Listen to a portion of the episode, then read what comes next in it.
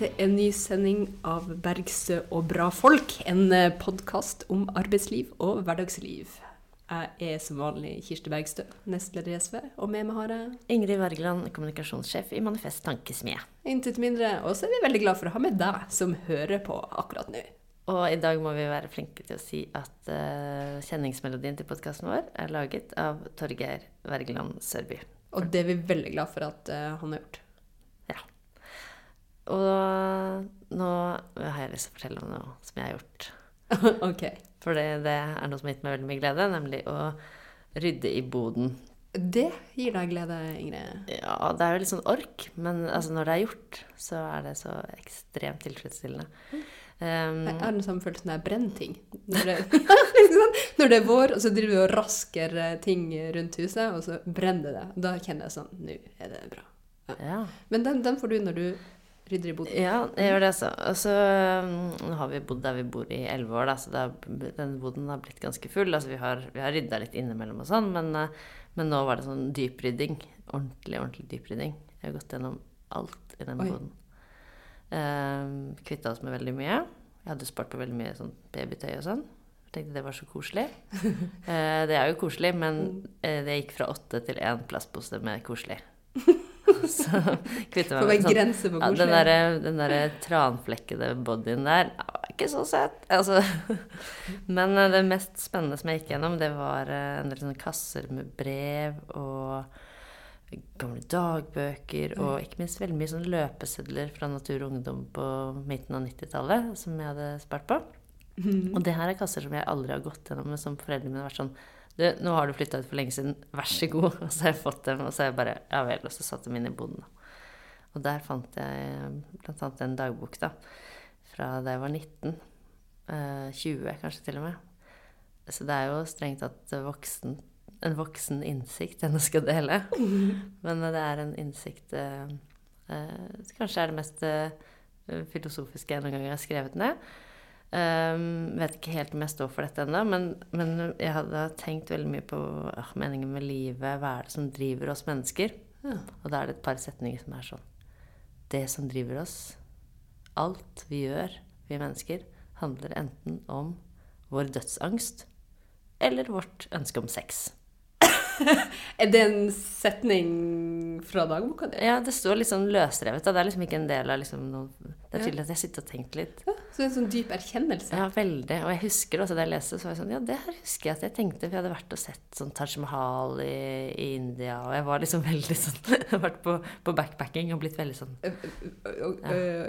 Ok, så siden du hadde sett Taj Mahal, så tenkte du at den her bygde noen for å pule? Nei. Nei, altså, og det bygde jo han som et sånn gravkammer for sin kone som han elsket veldig høyt. Så, det, det, så, så, der kan det ha vært kanskje noe dødsangst eller noe hyllest til kjærligheten eller sånn, da. Men, nei, men det var en sånn generell sånn her, det ønsket om å bli husket, da, var vel det tanken rundt det. Men uh, jeg vet ikke, jeg kommer jo på en del andre grunner til at jeg gjør de handlingene jeg gjør i hverdagen nå, som ikke kan knyttes til akkurat de to punktene, men uh, Dødsangst eller uh, mm. Men hva, når du leste den da på nytt, hva Jeg syns det er noe i det, da. Ikke så dumt. Nei?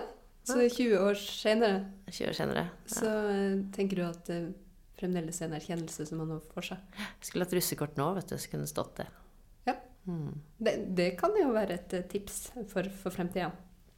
Jeg husker jeg en gang også roter noen gamle dagbøker. Eh, fordi det hender jo at man gjør det. Jeg skal innrømme at det ikke eh, Det var ikke så systematisk rydding eh, inn i bildet som du åpenbart har drevet med. Men de her eskene man får, som tålmodige foreldre har, har lagra på, dem må man av og til kikke litt i.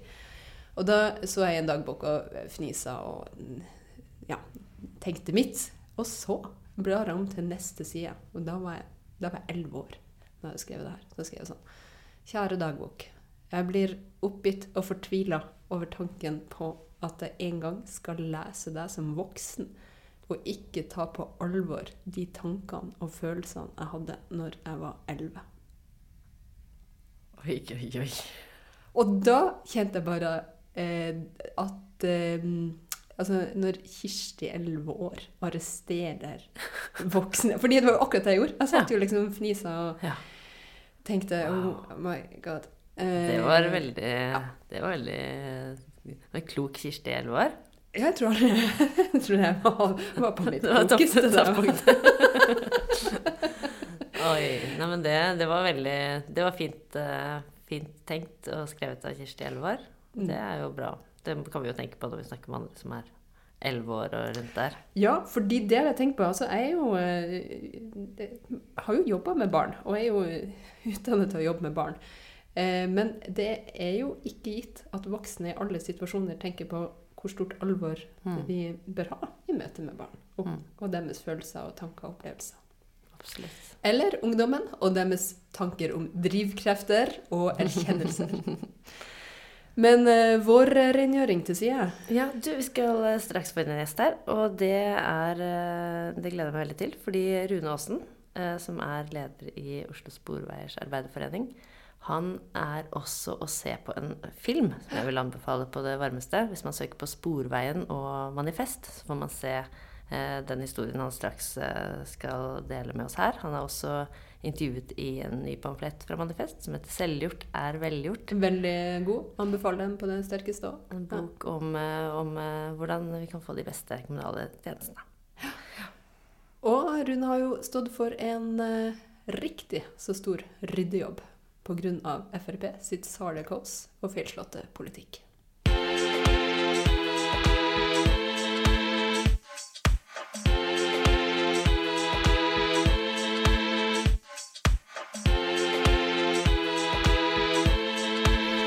Det er en veldig stor glede å ønske velkommen til eh, dagens eh, gjest.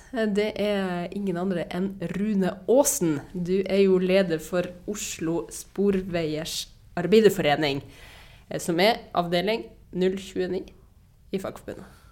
Kan ikke du fortelle litt om foreninga di? Ja, vi er, vi er da Vi organiserer 1600 medlemmer i, i Sporveien. Og det er viktig å, å si Sporveien. Det er ikke noe med Ruter å gjøre. Men vi organiserer alle, eh, de fleste arbeidstakere i Sporveien. Så vi er en eh, I år er vi 125 år, fagforeninga. Så vi er én samla forening. da. Vi har ledere, personalledere, vi har infrastrukturfolk, verkstedfolk, og alt er samla i ett. da. Så det er fagforeninga vår. Det er fagforening. Når Ja. du sier det har ingenting med Ruter å gjøre Ruter er jo eh, Ruter er bestillerorgan, hvor Oslo eier 60 da, og, og Akershus eier 40 Den blei konstruert for å konkurranseutsette Sporveien. Skinnebåndet, da. Ja. Så det er mange som tror at eh, vi De ser ikke forskjell på Ruter og Sporveien, og det er en utfordring. Det er mange som ikke skjønner forskjellen. Ruter har ingen bussjåfører, de har ingen vogner, de har bare folk som sitter på kontor. Og det kan være greit, det. Nå er vi litt inne i kjernen på det vi har veldig lyst til at du skal fortelle om. Ja. Og det er jo nettopp liksom organisering av eh, Oslo sporveier og historikken der. For der har det jo vært eh, mye frem og tilbake gjennom noen år. Kan ikke du dra oss gjennom eh, ikke 125 år eh, gammel historie, men i hvert fall de, de siste åra. altså, så litt sånn kort fortalt, da når Fremskrittspartiet og Høyre styrte i Oslo Altså Før det så var det Oslo Sporveier. Og vi dreiv Oslo Sporveier. Ruter var ikke danna ennå. Eh, og så kom Fremskrittspartiet og Høyre, de hadde jo makta her.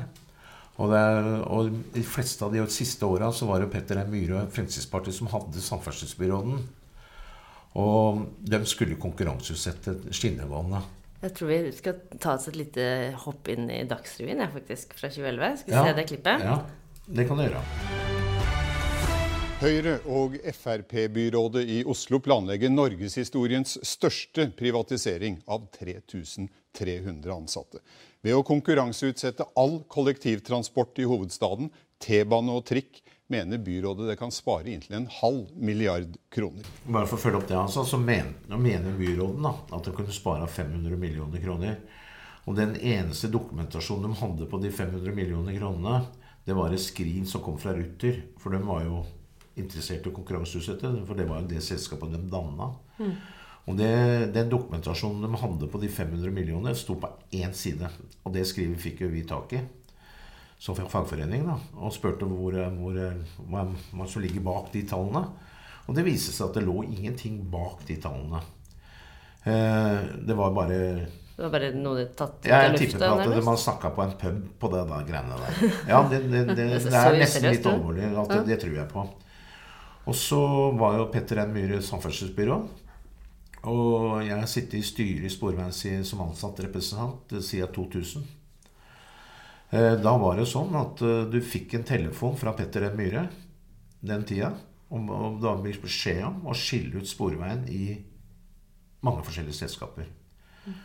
Og når det blei etter hvert Michael Tetzschner var jo styreleder i den perioden. Og han, etter min oppfatning, han gjorde ikke så veldig mye.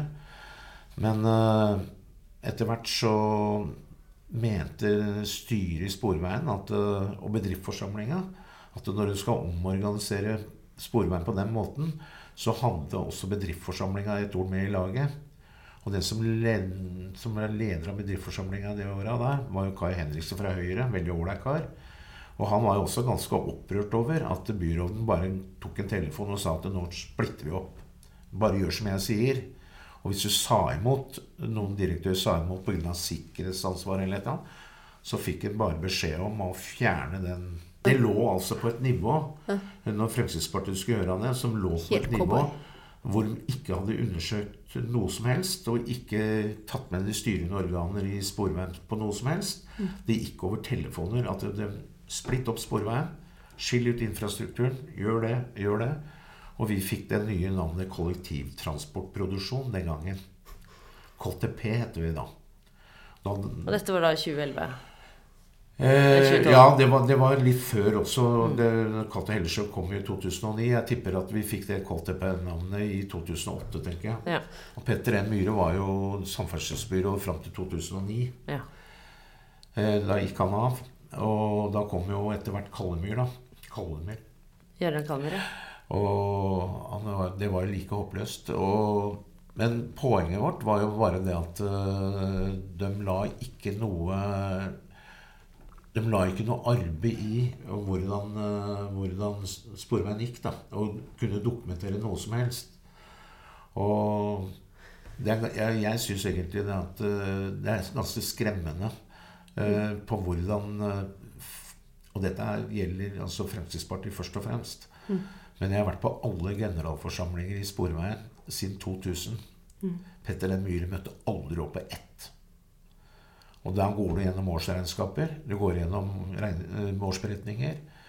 Det lengste det, Hvor han møtte med en stedfortreder eh, Det korteste møtet varte i 54 sekunder, og det lengste varte i tre minutter. Du møtte med en stedfortreder Ivar Sørli og gutta, da, men møtte alle, han møtte aldri opp.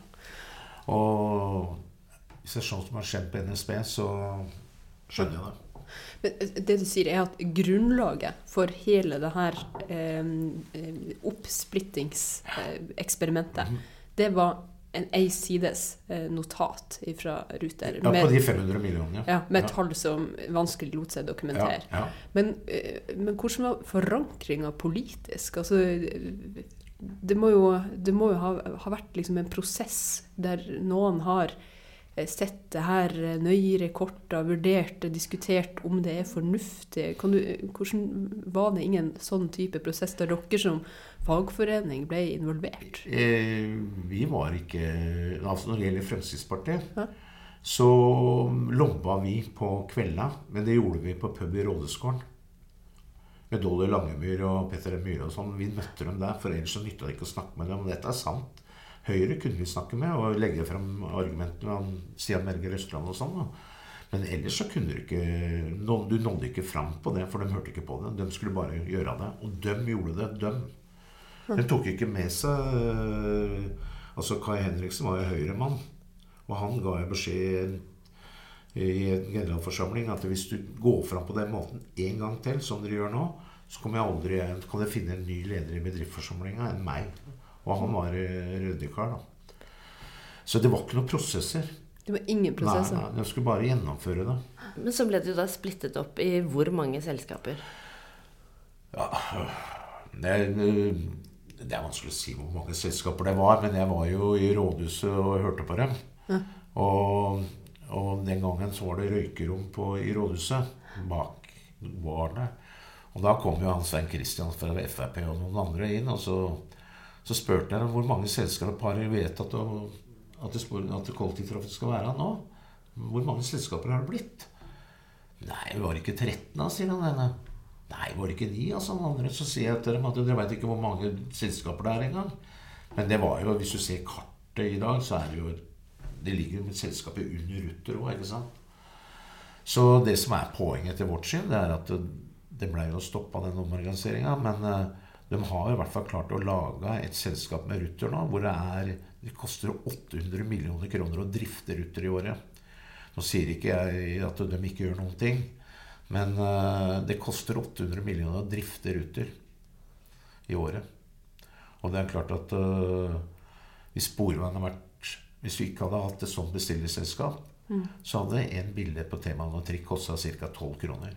Men du må jo dra med deg de 800 millionene inn når tilskuddene kommer. da. For Sporveien får penger av Ruter. da. Men alt dette ble jo stoppa, og det blei jo Når vi begynte med, med Venstre og, og spesielt, eh, spesielt eh, Ola Elvestuen, da, så valgte vi som fagforening, selv om vi ikke er noe glad i Venstre, å lobbe opp mot han, så ikke Høyre og Fremskrittspartiet fikk flertall. Da. Og, og det skal Venstre ha. Jeg er veldig motstander av den arbeidslivspolitikken og gikk beskjed om at vi jobber for å fjerne dere. Men både Ola Elvestuen og Guri Melby som kom etterpå, de lytta i hvert fall til de ansatte. Og da fikk ikke Høyre og Fremskrittspartiet de fikk ikke flertall for den galskapen som var. Ja. Med fortsatt oppsplitting. For da hadde dere noen ganske konkrete erfaringer å vise Ja, ja, til hvordan det her hadde fungert i praksis med en sånn oppsplitting Ja. og manglende oversikt på de selskapene. Kan ikke du fortelle litt om det? Nei, altså, vi, hadde jo vi, vi så jo det at når vi hette kollektivtransportproduksjon, og det bestiller og utfører begynte å virke, Ja. så var det var jo sånn at eh, noe av det vi sier i den filmen der òg, det var at eh, da skulle T-banen den gangen De skulle jo bestille tjenester av det som driver skinnegang. Ikke sant? Ja. Men hvis det var dyrt å kjøre en sånn der maskin som vi viser på filmen her, på natta Det kosta 40 000 om natta. Da bestilte jo ikke T-banen det. For det, det koster penger. Men våre folk som satt på infrastruktur da, de satt jo der på 40 og det ble ikke bestilling, og det gikk ikke maskina når bestillingen ikke kom. Så den derre bestiller-utførerrollen, det var en av årsakene til at Cato Hellesjø i dag Ja, det, er, det er direktøren i Sporveien. ja, direktøren i Sporveien kan stå og si det at det, det, blir mindre, det blir mindre administrasjon. For alle selskapene skal ha den beste kompetansen for å passe på hverandre. Og sånn kommer det til å bli i NSB også. Du kommer til å finne de dyreste og beste folka i alle selskapene. For de passer på hverandre, og sånn vil ikke han ha det. Og, og, og det og i forbindelse med økt produksjon har gjort at vi kunne spare så mye som vi sier. ikke sant? Men den sjansen ga jo Venstre oss da, gjennom Best 2015. da. At vi også, de ansatte, var med. da. Vi kan bare se et lite klipp til fra den filmen som, som Manifest har laget om, om hele den om, omorganiseringen som skjedde. Så vi eh, startet i 2012. Da hadde vi først et eh, femårsprogram hvor vi skulle forbedre oss med 2 millioner kroner i uka. Det skulle bli 400 millioner kroner fra 2012 til 2015.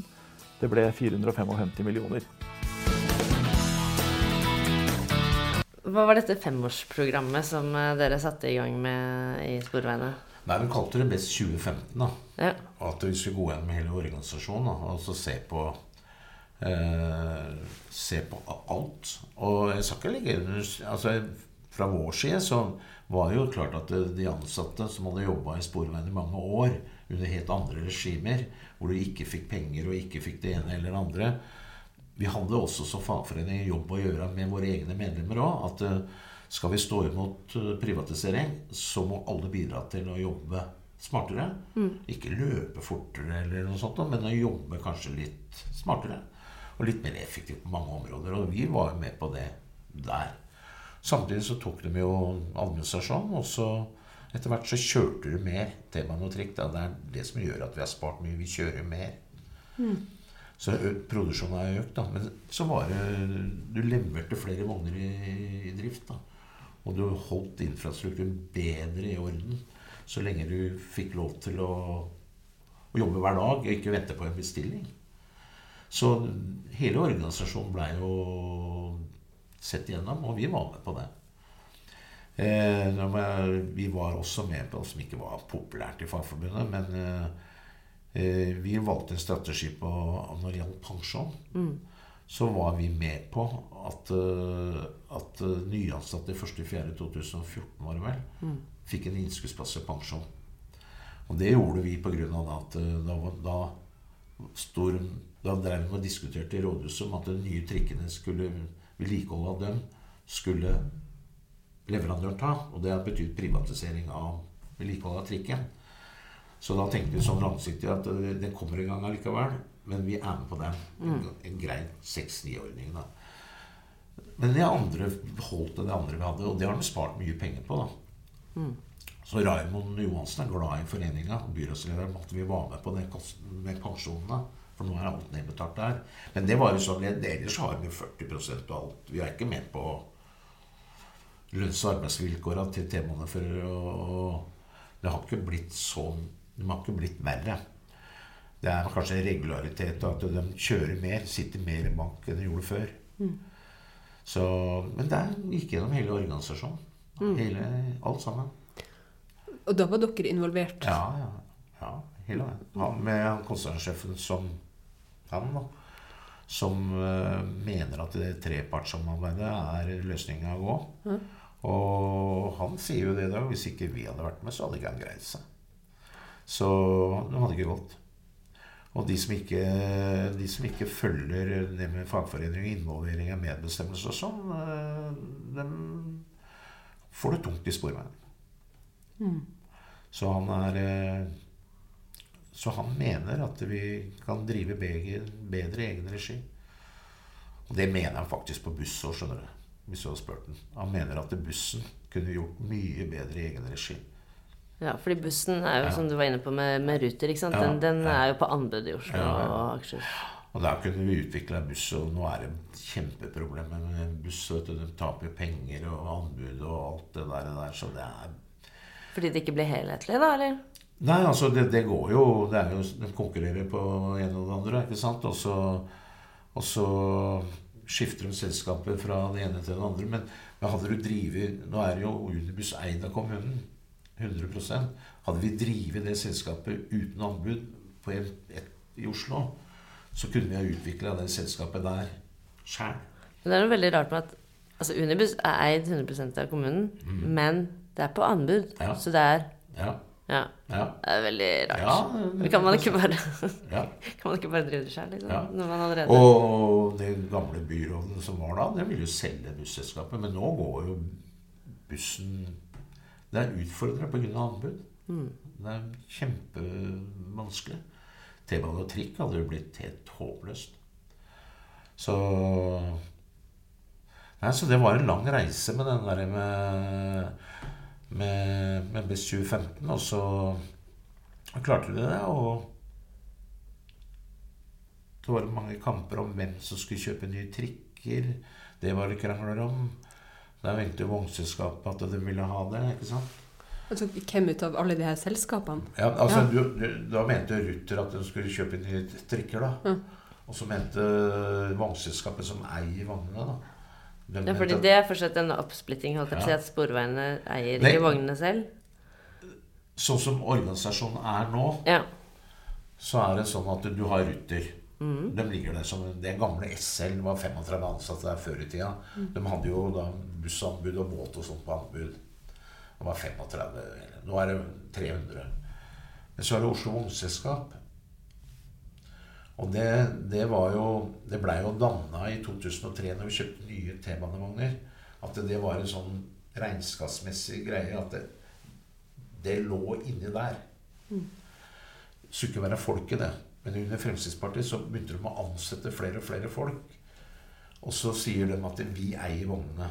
Så når du skulle kjøpe 87 nye trikker, så ble det en kjempekrangel. Og det var krangel i flere år før du fikk bestilt nye trikker. Pga. krangel om hvem som skulle bestille det. Men da tok jo Guri Melby, som var byråd da, i Venstre, hun bestemte at uh, Oslo, nei, Sporveien skulle ha ansvaret for å kjøpe nye trikker. Og det tror jeg var veldig smart, for all kompetanse sitter jo i, i Sporveien. Mm. Har ingen mekanikere, rengjørere, sjåfører, noe som helst. Så jeg vil bare si det at uh, nå er det rett før at uh, Arbeiderpartiet, SV og byråden i Oslo nå slår det selskapet inn i Sporveien. Det skjer nå. I disse dager? Det er vel dere som uh, tidligst skal opp i bystyret, det er jeg litt usikker på. Men, uh, men det, er, det, skjer før valget. Og jeg tror det skjer snart. Og, er, og hvorfor, er, hvorfor er det viktig? Nei, altså vår, vår, vår, hovedargument for, Vi har jo holdt på å argumentere for å slå det selskapet inn i Sporveien i mange mange år. Mm. For det første så syns vi det var unødvendig å ha direktører og flere der som eier vognene. Vi mente at det selskapet kunne vært som før, uten ansatte. Men så begynte den der med De begynte å ansette flere. Men hovedargumentet vårt det var jo det at uh, vi så etter hvert at uh, bare mellom Sporveien og Vognselskapet så begynte de også å diskutere løsninger, tekniske løsninger på T-banevognene. Og det bekymra oss pga. at vognselskapet kunne sitte og bestemme at den og den delen skal byttes. Ja. Mens de teknikere på verkstedet kunne si nei. Det er ikke sånn vi gjør det. Altså Det, det var sånn sikkerhetsmessig eh, Altså det, det var ikke trygt å ha dem der. For de blanda seg inn i ting de ikke hadde greie på. Kort fortalt, da. Så en voldsom fragmentering av ansvaret og oppsplitting av faglighet. Ja, men bare, bare med det selskapet. Ja, så jeg husker veldig godt i VM på ski hvor du har sånne strømavtakere som tar strømmen på T-banen. Og så brant ei vogn. Og så, så mente vognselskapet at vi måtte bytte ut den med Siemens, den og den typen. Ja. Mens teknikere på Ryggen sa nei, vi må ha den og den typen. Og da var vi nervøse for at det kunne skje noe. Pga. at de bestemte noe de ikke har greie på etter vårt syn. Mm. Og så måtte de bytte tilbake det gamle. da. Og da var vi nervøse for at det kunne skje en brann. Men det er jo det som kan skje med en sånn oppsplitting, at det begynner å krangle om løsninger. Så derfor så føler vi oss Én ting er økonomien, da. Men én ting er mye tryggere å ha det inn i Sporveien, hvor styrelederen også blir direktør, tenker jeg. Og at de sitter i den samme gjengen. Så jeg, jeg mener det er veldig smart å slå det sammen med Sporveien. Og det har vi holdt på med siden ja, Vi har holdt på med vokseskapet i 10 år, 10-15 år for å slå det inn. da. Så byråden, han Raymond Johansen, har lovt oss at det skal skje når dere Og det holder de. Mm. Veldig bra. Ja, fordi du var, det har jo også vært en sånn oljeutslippulykke på, på Ryen. Uh. Ja, altså det var jo en, eh, en veldig beklagelig sak, det oljeutslippet på Ryen. For de som ikke har hørt om det, fortell hva som skjedde. Nei, det var en tank eh, det var en tank oppe på Ryen som Altså, den røra inn til tanken De skulle tømme dem, og så var det, gikk det olje ned i grunnen og ned i Al Alnaelva. Så rant dette ut. Og det førte med seg at Sørenga ble jo folketomt en helg, tror jeg det var. Det var i fjor sånn? Ja, var det det? Ja. Vi har jo tidligere hatt eh, en brannkonstabler som var med å fikse. ja, det var en skikkelig skandale. Ja.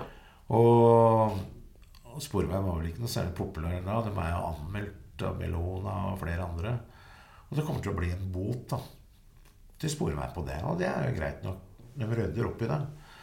Men hvis det hadde vært sånn som vi ikke vil ha det, så ville jo han direktøren i Sporveien eh, f.eks. når han må rapportere til eier da, hvordan dette kunne skje Hvis du hadde hatt et infrastrukturselskap med egen direktør som eier bygninger rundt, og en direktør som hadde eid verksted, så ville de ha begynt å krangle etter mitt syn. da. Man hadde ansvaret for at den tanken ikke var i orden. Nei, det er ikke meg, sier han ene. Nei, det er deg, sier han andre. ikke sant? Og sånn blir det når, når, når ansvarspulverisering Når du splitter opp sånn som de gjør mm. uh, bl.a. med NSB nå. Det er hovedargumentet vårt, og det har vi støtte fra konsernsjefen og styret i Sporveien på. Å drive sammen, det er det som teller. At det blir ekstra alvorlig når det ikke går på skinner. Ja, Ja. og da kan, da, kan dere som eh, politikere som eiere gå og si hvem er det som har ansvaret for det, og ikke begynne å diskutere hvem og sette på advokater og sånn for å For å komme unna dette, da. Du har jo også eh, vært veldig tydelig på at det her eh, det å eh, Organiseringa og det å få en fornuftig organisering viser også hvor viktig det er å være. Eh, eh, Ikke bare hvordan organisering av sporveien skjer, men også at man er organisert på arbeidsplassen sin. Ja, ja. Eh, Og at det her ikke kunne funnet sted uten at man hadde ei sterk forening, og at folk var, var Organiseringsgraden var høy, da.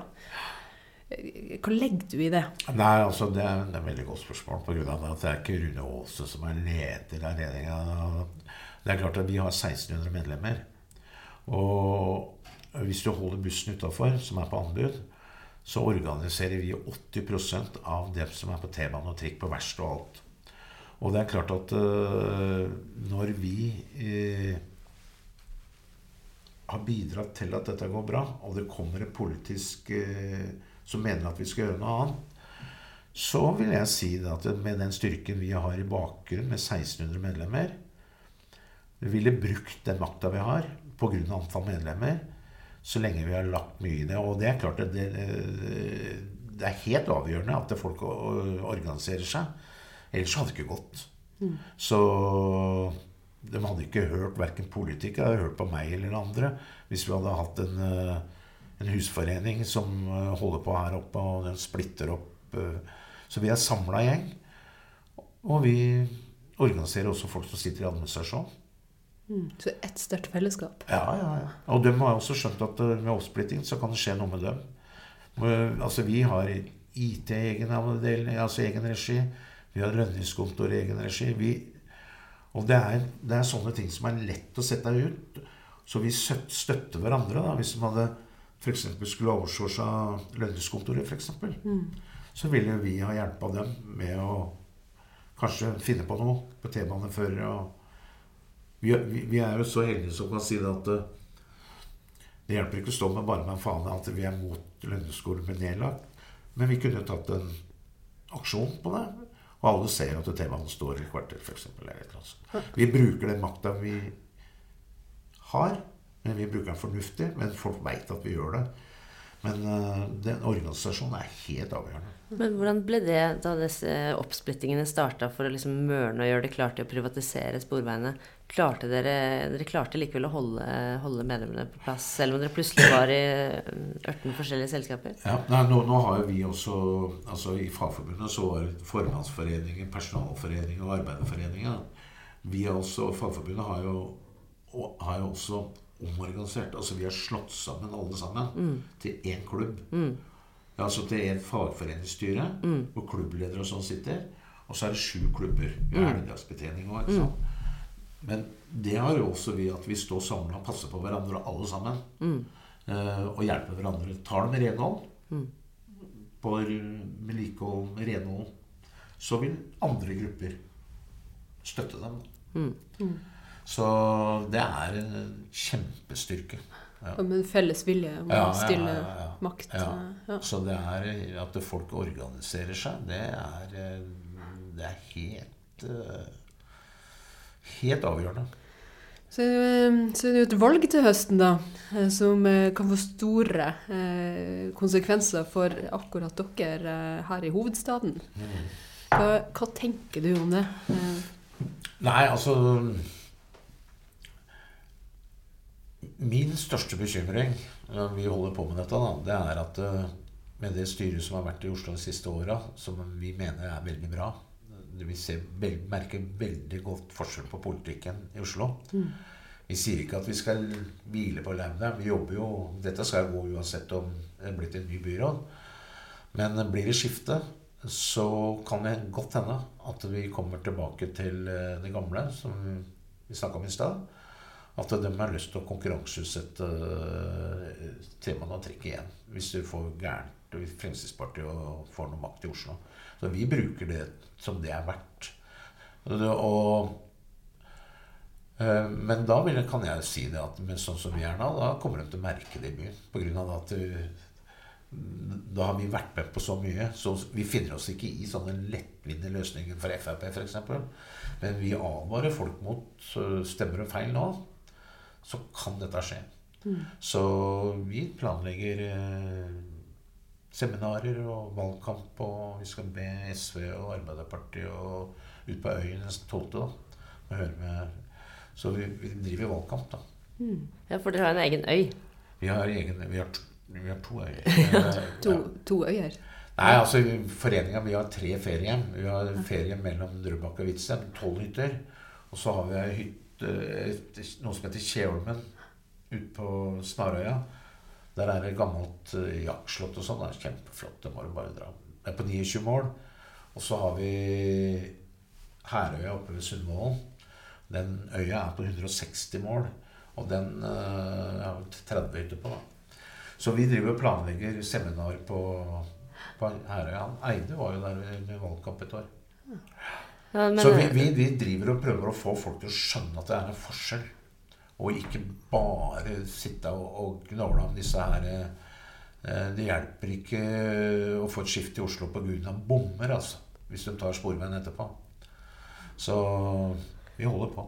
Men, Men uh, bare, bare skyt inn, for jeg har vært, på en båttur ute i Oslofjorden og kjørte forbi og fikk pekt ut den øya, øya deres. Og det er jo midt i altså det drøyeste kakkesområdet ute mot, mot Asker. Der er det liksom milliardærer og millionærer på alle kanter, og så er det Oslo Sporveiers Arbeiderforening. Fagforbundet sentralt har jo gått inn med penger og eier den. Ja. Eh, de eier den ikke, men, men de, vi kan ikke selge den. Uh, uten at Fagforbundet er med. da nei, nei. For de har vært med og pussa den opp. da Men han Trygve Hegnar var jo sikkert interessert i den øya, for den er på 29 år. da Så tidligere lederen av Fagforbundet, Jan Davidsen, var der en gang. Og så hvis ikke dere hjelper oss nå, så, så selger vi øya til Hegnar. Og det så. så de har jo gått inn med kapital der og pussa opp, og det er eh, Bare si fra til oss, så skal vi, vi ha bestyrer der ute. Kjøre ut til bruksveien. Og så kjører vi med bestyrer og henter dere der oppe. Det er innmari fint å være Så flott. Dere må aldri selge den. Det er jo viktig at arbeidsfolket beholder øynene i kakse... Vi sier på flaut til administrasjonen at det surrer med oss, så selger vi den ene øya, så kan vi streike et år. Han er jo verdt 100 millioner nå, tror jeg. Men det virker jo som et bra sted for å rigge til, til valgkamp og til uh, Ja, vi, vi gjør det den 12., og så skal vi ha noe, noe senere, litt seinere, da. Mm. Men uh, for vi er ja. 125 år. Vi skriver historie, da. Holder dere på å skrive et ja, eh, verk? Ja. ja. Fra, to, fra, 2000 og fram til i dag. Mm. Så har vi satt på faktum til å skrive. Og da, vi, da, kommer det på trykk, noe av det jeg snakker om nå. Du, Det gleder jeg meg til å se. Ja, ja. Det er litt av en historie. Ja. Men, men denne, denne, erfaringen som dere har med dere eh, ikke sant? Du nevnte Petter N. Myhre var veldig sentral i starten, og så kom Gøran Kalmyr inn, som nå er eh, statsråd. Altså, eh, dere har spart inn enorme summer. Altså, det er snakk om 850 millioner kroner siden 2012.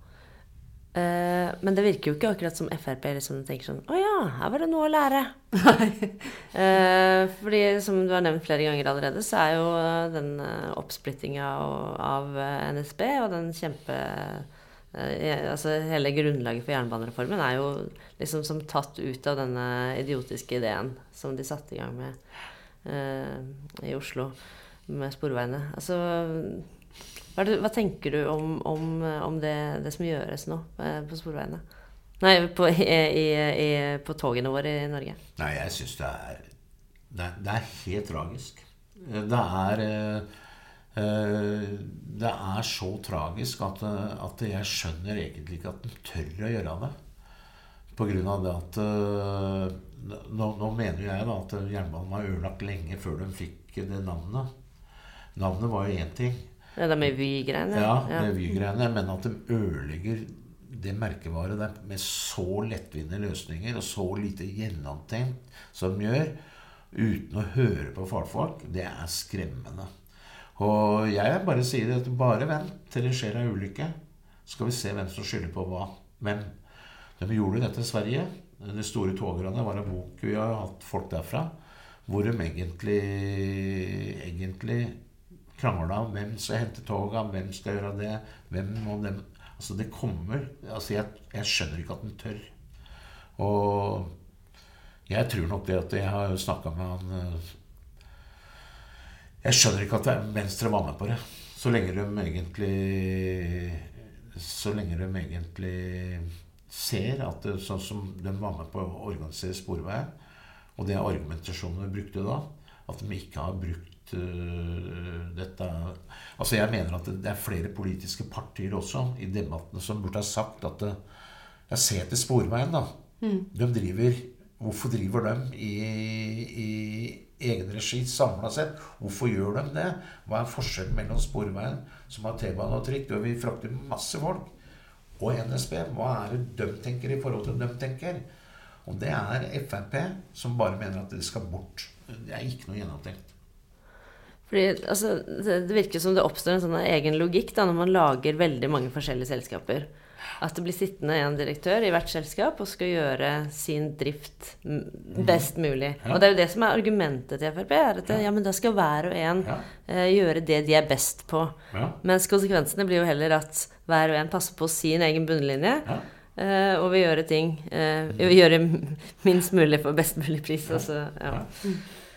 Nei, altså sånn gjør de. Nå danner de med det der spoldrift, og så sitter de på kontorer, og så konkurranseutsetter vedlikeholdet. Mm. Og danner de spol, Spoldrift AS, heter det. Mm. Jeg tror ikke det er noe ansatt folk der ennå, mm. men det kommer til å bygge opp det. Så jeg sier til Jeg har jo sagt til Petter Myhre på valgkampstand her Det har aldri vært så mye administrasjon i kollektivtrafikken i Oslo etter at dere tok over. Mm. Men det likte jeg ikke å høre. altså. Det er han som har ansvaret for at det sitter doble Altså i Ruter og Sporveien. Mm. At det er så mye offentlig byråkrati som de har klart å lage inn bare kollektivtrafikken i Oslo. Så og gjør de dette med NSB. Ja. Det kommer til å sitte en batteri med folk i de forskjellige høytlønte direktører som bare tenker på bunnlinja si, og så kommer de til å sitte der. Og når det skjer noe, så skylder de på hverandre. Så jeg er, den jernbanereformen, den er, eh, den er eh, Egentlig så skulle Etter mitt syn så skulle det alt vært stansa til man gitt seg på den. altså. Det, det kan jeg mene. Mm. Man burde stoppa togene, tenker du? Ja, det er veldig vanskelig for altså Jeg tenker på den som jobba i Jernbaneforbundet og alt dette. Det er jo ikke lett under et sånt uh, uh, Vi blei jo redda av Venstre. SV og Arbeiderpartiet var jo sikre. Men hvis ikke Elvestuen hadde, hadde sørga for at ikke de fikk flertall den gangen, og han tok over som byråd, så hadde vi vært i samme gjengen. Og så klarer de å snu totalt ja, ja, og gå med Frp og gjøre det samme med toga. Med toga. Og det er helt uh, uh, og, og, og, hvis du ser NSB, da, som jeg kjenner til, at nå er, det, nå er det vel sånn at jeg tror at sykefraværet i NSB er ganske lavt. Ja. Pga. at du istedenfor å sitte og kjøre tog Oslo-Ski hvis du blir konkurranseutsatt, da, kjøre fram og tilbake hele tida, så er det sånn som jeg er kjent til i NSB i dag, flere som kan kjøre på forskjellige linjer da, rundt omkring i landet. Men dette kan du ikke lenger, tror jeg. Når den og den Da må du ta lokfører er ansatt i det selskapet. ikke sant? Så tror jeg det kommer til å bli mye dyrere. Men det kommer til å redde seg unna, tror jeg. Pga. at det kommer til å sette inn flere tog. Da kommer plutselig penga. Og det må politikere følge med på. Det skjedde på Gjøvikbanen. Ja, Hvor de sa, Da sier Venstre at vi redda dem med å utsette det. Men NSB ville jo legge ned Gjøvikbanen. For de hadde jo ikke penger. Ja. Så konkurranseutsatte de det. Og NSB vant jo. Ja. Men da fikk de flere penger til å kjøre flere tog. Ja. Nå var det bra.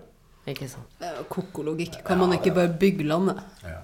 Nei, jeg, jeg, jeg, når det gjelder Fremskrittspartiet, så kan jeg fortelle en historie fra Nei, vi, vi var på styret i Sporveien var på, sånn, på Lysebu på sånn styreseminar. Og så hadde byrådsavdelingen i rådhuset de hadde seminar tilfeldigvis på samme sted. Og så, og på kvelden, altså, etter å ha spist middag Vi skulle gå ut i haven der og ta en øl, da. Så kom han, dagens justisminister, da. Så sa han at eh, kan du komme her og ta en prat? Ja, direktøren, da. Ja. Og jeg vi satt og sn- og tok en prat. Så sier han Hvor mye kan dere spare her i Sporveis, da?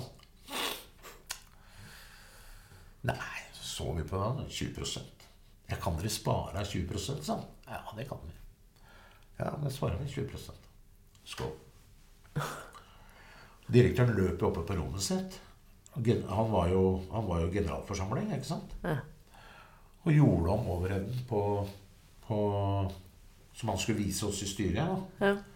At nå har byrådet sagt at vi kan spare inn 20% Jeg visste jo det at du kunne snakke 50 til han, for han fulgte ikke med likevel. Jeg visste jo det. Men han sa 20 altså. Det var bra. Det var. Sånn holdt det på. Og det var jo, hvis du da husker på det der skrivet fra Ruter på 500 millioner Det hadde han fått fra Ruter på én side.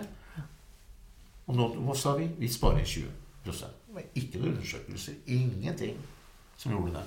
Så det er jeg helt Men hvorfor, hva, hva, hva førte dette til at han Det- det satt og sa det over en øl, liksom? Nei, det, det førte med, kanskje med seg at, øh, at det styret som etter hvert kom, Ja. øh, med For å si styret i dag, der jeg sitter og Ola sitter Vi har også en, styreleder og et styre som mener noe. Og, og, og det er klart at det dagens styreleder han vil jo si at øh, jeg er leder av et aksjeselskap. Og jeg og vi som sitter her, vi skal ha en mening om på hvordan vi skal drive denne her. Ellers så kan du finne andre enn meg. Og det sa Kai Henriksen og Herman nå. Vi skal ha en mening med det, ellers kan dere kaste oss. Så det skal styret i Sporveien ha. At øh, de som har vært representanter oppe etter mange år, har sett at de har tatt igjen med de der Frp-byråene. da. De har ikke bare lagt seg på ryggen og sagt ja, det gjør vi. Skjer det noe, så er det den som har ansvaret likevel. Og ikke, de kommer jo alltid unna. Så det, poenget mitt med Frp er jo, er jo det at det er for lettvint. Men du har jo ikke alltid jobba i Sporveien. Du har ikke alltid vært tillitsvalgt. Vi har et fast spørsmål som vi stiller alle våre gjester. eh, Og det er hva var din aller første jobb? Nei, da begynte jeg Jeg begynte i læra på, på Nebb på Skøyen. På Nebb? Nebb, ja. Norsk elektrisk brannmovering. Der nettopp. begynte jeg å lære, og gikk på læregudsskolen. De hadde egen skole den gangen. Hvor gammel var du da?